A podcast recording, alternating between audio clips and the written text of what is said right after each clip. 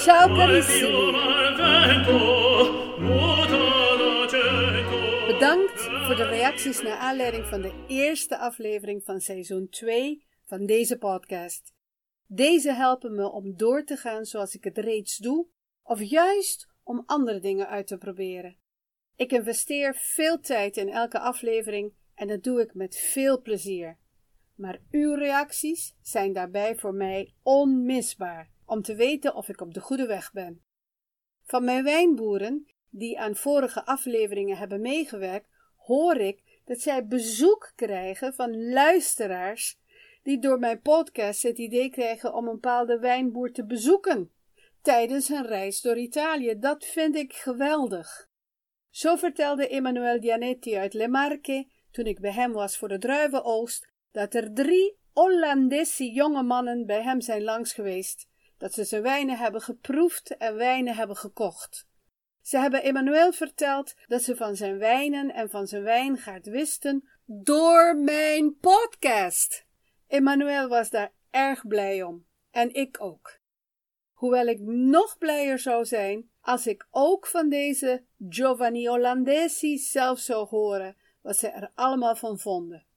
Insomma, deze podcast wordt voor u gemaakt, dus vertel me wat u ervan vindt, of het u heeft geïnspireerd en ook als u tips heeft ter verbetering. Op mijn website www.labottawijnavonturen.com kunt u mijn contactgegevens vinden. En nu naar de drive van de week.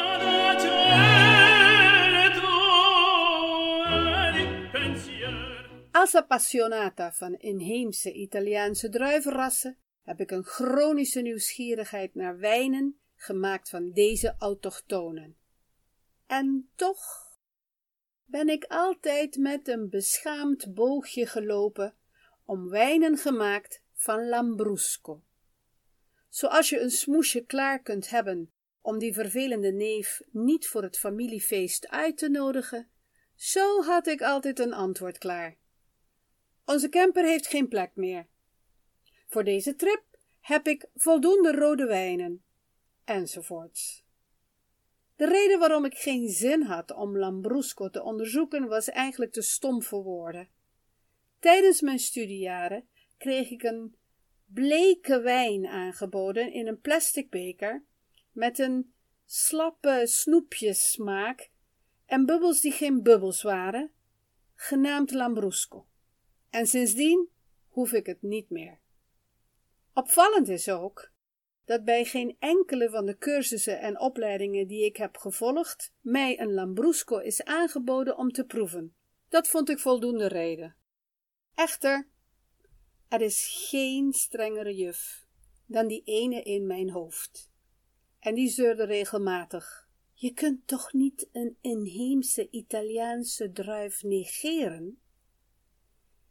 Om van mijn eigen gezeur af te zijn, besloot ik te informeren bij Italiaanse vrienden en kennissen. Tot mijn verbazing waren ze enthousiast over Lambrusco.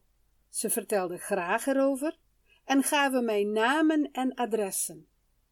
Alle tips leiden naar Emilia-Romagna, regio ten noorden van Toscane, doorkruist door de rivier de Po, met prachtige steden zoals Bologna en Parma, en met internationaal bekende producten zoals de Parmezaanse kaas en aceto balsamico. De geboortegrond van het druivenras Lambrusco, oftewel Terre dei Lambruschi, ligt tussen de steden Reggio Emilia en Modena. Wijnen gemaakt van deze inheemse druif waren tijdens de jaren 70 en 80 van de vorige eeuw razend populair in de Verenigde Staten en West-Europa. Het waren wijnen die in grote industriële hoeveelheden werden gemaakt met behulp van vele machines en chemicaliën. Ze werden in leuke flessen gebotteld en waren spotgoedkoop. Naar alle waarschijnlijkheid was dat de inhoud van mijn plastic bekertje begin jaren tachtig. Toen ik over mijn ervaring in het verleden vertelde, werden er hoofden geschud en wapperende handen maakten mij duidelijk dat die wijn niets te maken heeft met de klassieke Lambrusco. Chianti-wijnen uit Toscane kennen ook zo'n soortgelijk verhaal. Toen de wijnen zelfs iets eerder, rond de jaren zestig, of eigenlijk vanaf de jaren zestig al, massaal en goedkoop werden gemaakt in fiasco's. Dus dat zijn flessen met van die rieten mandjes, werden gebotteld en als vero vino italiano, echte Italiaanse wijn, werden geëxporteerd. De klassieke Chianti en Lambrusco wijnen hebben tot de dag van vandaag last van het slechte imago dat ze toen hebben gekregen en ze doen er van alles aan om de wereld beter te informeren. Het werd voor mij ook tijd dat ik mijn vooroordelen liet varen en mij ging verdiepen in deze druif en de wijnen die ervan worden gemaakt. Lambrusco is nota bene een van de oudste inheemse druivenfamilies. Het is een ouderwetse grote familie met vele varianten en hoewel de varianten van elkaar verschillen, hebben ze algemene familie-eigenschappen zoals hoge zuren, bescheiden vermogen tot produceren van alcohol bij de fermentatie en aroma's en smaken die laten denken aan veel rood fruit en bloemen. Tegenwoordig worden de beste wijnen gemaakt van drie variëteiten: Lambrusco di Sorbana, Lambrusco di Salamino en Lambrusco Grasparossa. Deze laatste variëteit, de Grasparossa, werd vooral genoemd als een wijn met corpo, body, een persoonlijkheid in je mond. Deze druiven zouden kwaliteitswijnen produceren omdat ze in staat waren om optimaal te rijpen, zelfs bij koelere klimaten. De wijnen van Grasparossa zouden vleesiger zijn. Je zou rempel, tanninen en alcohol voelen. Dat allemaal maakte de wijn geschikt om het te paren met eten, iets wat erg belangrijk is voor de Italiaan. Vooral het paren met de vele streekgerechten, zoals de prosciutto di Parma en de mortadella di Bologna, en of met een stoofpot met worst en aardappelen. De wijnen zouden aroma's en smaken hebben die aan meerdere dingen lieten denken dan alleen maar aan roze snoepjes. Deze beschrijving van de wijnen van de variëteit Grasparossa stonden lijnrecht tegenover mijn eerste ervaring met Lambrusco. Ik besloot me dus te focussen op de Grasparossa. Ik begon met literatuurstudie en het organiseren van een bezoek. Eerst bezochten we het compacte en kleurrijke Modena, stad waar de balsamico-azijn vandaan komt. We wilden onder andere de overdekte markthallen van de Mercato Albinelli bezoeken. Daar genoten we van de sfeervolle stalletjes, waar je veel kon proeven en kopen, en de gezellige, winkelende Italianen, geen toeristen zien. Ik was specifiek op zoek naar een kookroom, gemaakt van Parmigiano Reggiano, a.k.a. Parmezaanse kaas. Die had ik bij een Italiaanse vriendin geproefd en ik had meteen inspiratie gekregen voor vele toepassingen in de keuken. Later, tijdens de lunch, bestelden we de regionale specialiteit tortellini. Tortellini zijn typisch voor Emilia-Romagna en ze zijn kleine pastapakketjes.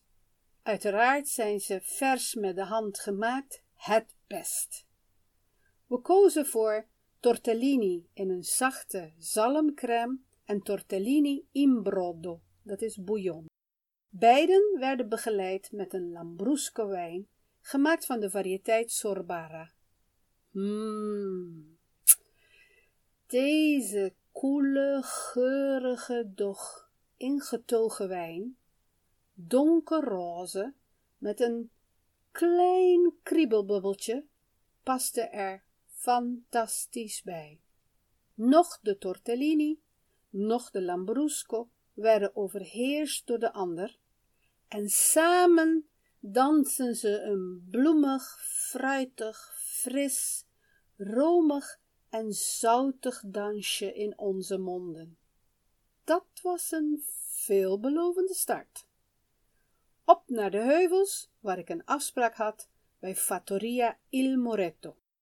Grootvader Antonio Altariva, bijgenaamd Moretto, omdat hij vroeger pikzwart haar had, arriveerde in de jaren zestig in de heuvels in de buurt van Modena om als boerenknecht te werken. Tijdens de jaren zeventig kon hij zelf een stukje grond kopen, waarop hij meteen overging tot het aanplanten van de Lambrusco Grasparosa di Castelvetro. Een hele mond vol, maar wel noodzakelijk. Dit gebied rondom het dorp Castelvetro is de geboortegrond van deze variëteit van de Lambrusco druif. En het is ook de naam van de DOC-wijn die van deze druif wordt gemaakt. Dus Lambrusco Grasparosa di Castelvetro. Heeft u hem? Twee generaties verder wordt het werk nu gedaan door de twee zonen Fausto en Fabio en hun kinderen. Ik had toen een afspraak met kleinzoon Alessio, die teleurgesteld was dat ik Italiaans sprak. Hij had graag zijn Engels geoefend. Om hem een plezier te doen, begonnen we toen in het Engels. Maar al gauw waren we Italiaans verwikkeld in de geschiedenis van de druif, van het land, hun wijnen, de tradities en de toekomstplannen. Een diepgaand en interessant gesprek, waarvan ik denk dat het Alessio niet was gelukt in het Engels dat hij gebruikte bij een proeverij. De Lambrusco-wijn is een licht, bubbelige wijn. Het kan een witte, roze of rode, licht, bubbelige wijn zijn. Het kan een zoetige tot droge, licht, bubbelige wijn zijn. De fijne bubbels van de Lambrusco-wijnen zijn goed zichtbaar als je het glas inschenkt. Aan de oppervlakte ontstaat er een dun roze schuimlaagje dat me laat denken aan een glas dat niet is afgespoeld van zeepsop. Deze bubbels kunnen op diverse manieren verkregen worden. De meest gebruikte methode is de fermentatie in gesloten, roestvrij stalen tanks, de tankmethode waardoor het vrijgekomen koolzuurgas of koolstofdioxide dat bij de fermentatie ontstaat in de wijn blijft en waardoor de wijn dus een lichte bubbel heeft. Er is ook de metodo ancestrale om Lambrusco wijnen te maken. Dat is de voorouderlijke methode waarbij een niet volledig gefermenteerde wijn, dus waarbij nog niet alle suikers en alcohol zijn omgezet, gebotteld wordt. De fermentatie van deze restsuiker wordt alsnog in de fles voltooid, waardoor je een droge wijn krijgt. Maar het koolzuurgas van het laatste stukje fermentatie in de fles blijft als het ware gevangen in de wijn, waardoor je ook naast een droge wijn een licht bubbelige wijn krijgt. Na het bezoeken van de wijngaarden en wijnkelder proef ik diverse wijnen van de familie maar ik ben vooral gecharmeerd door de drie Lambrusco wijnen. De wijnen van mijn gastheer zijn allemaal gefermenteerd in gesloten tanks. Doordat de bubbels heel licht zijn, worden de wijnen als frizzante, dat is lichtbruisend, getypeerd. De wijnen zijn allemaal van 100% Lambrusco Grasparossa di Castelvetro gemaakt. En toch proefde ik duidelijk verschillen tussen de drie wijnen. Bij de eerste proef ik een klein zoetje, een beetje restsuiker van een niet helemaal afgemaakte fermentatie. Deze wijnstijl wordt ook amabile, lief genoemd. Ze hebben deze wijn in hun dialect sempre bon genoemd. Dat betekent dat het altijd goed is om te drinken. Het is een lichte, fruitige, beetje zoetige, dus ja, lieve wijn, die inderdaad ook heel goed bij een brunch gedronken kan worden. En toch lijkt het niet op datgene wat ik vroeger heb geproefd. Deze wijn kan goed gepaard worden met jonge kazen en met uh, crostata di frutta. Dat zijn Italiaanse taarten die uh, gemaakt worden van deeg met fruit erop, zoals abrikozen of pruim. Vergelijkbaar met Limburgse vlaai maar met een dunnere en minder zoetige deeglaag. De tweede Lambrusco wijn is een droge wijn die ze Monovitigno noemen, omdat het gemaakt is uit 100% één en dezelfde kloon van Grasparossa. Deze wijn smaakt zodanig dat het prima gepaard kan worden met de eerder genoemde variatie aan regionale vleeswaren, maar ook bijvoorbeeld met een varkensbout wat je zonder saus in de oven maakt. De derde wijn is wederom een droge Lambrusco. Deze heeft aroma's, smaken en die corpo, waardoor ik het zou paren met, zeg maar, zwaardere maaltijden, zoals een kruidige vleesstoofpot.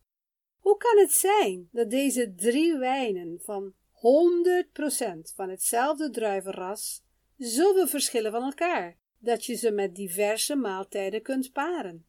Bij de amabile is het duidelijk dat er restsuiker aanwezig is door onvolledige fermentatie. Maar zelfs al had het geen restsuiker gehad, dan was het toch een lichtere wijn geweest in vergelijking met de andere twee. Deze drie wijnen verschillen van elkaar door de bodemtypes waarop ze groeien. De wijnmaker heeft bij de eerste wijn gekozen om die zoetig te maken, omdat de druiven in staat zijn om lichte, fruitige en bloemige wijnen te maken.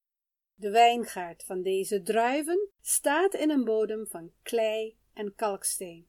De druivenplanten van de tweede wijn staan in lichtgekleurde klei en slip, en de druiven van de derde wijn zijn afkomstig uit een wijngaard die in een bodem van rode klei en slip staan. De chemische componenten in deze diverse bodemsoorten zorgen ervoor dat de druiven verschillende wijnen kunnen produceren. Ik heb genoten van de rondleiding in de wijngaarden en ondanks het feit dat de planten en de druiventrossen er prachtig bij stonden, ging de aandacht nu naar de bodemverschillen.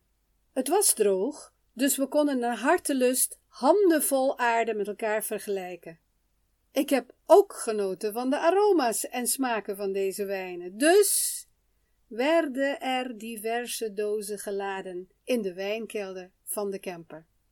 Als ik mijn gasten tijdens proeverijen in Nederland deze drie wijnen naast elkaar laat proeven, vinden zij het wonderbaarlijk om deze vooral aan de bodem gerelateerde verschillen te proeven. Naast het feit dat velen verbaasd zijn dat deze licht bubbelende Lambrusco wijnen zo heerlijk zijn en dat je ze zo fantastisch kunt paren met diverse en vooral vettige hapjes. En dat vind ik inmiddels ook. Wilt u ook deze Lambrusco of andere wijnen, gemaakt van inheemse Italiaanse druiven, proeven? Bezoek mijn website www.labottawijnavonturen.com voor meer informatie. Ci vediamo!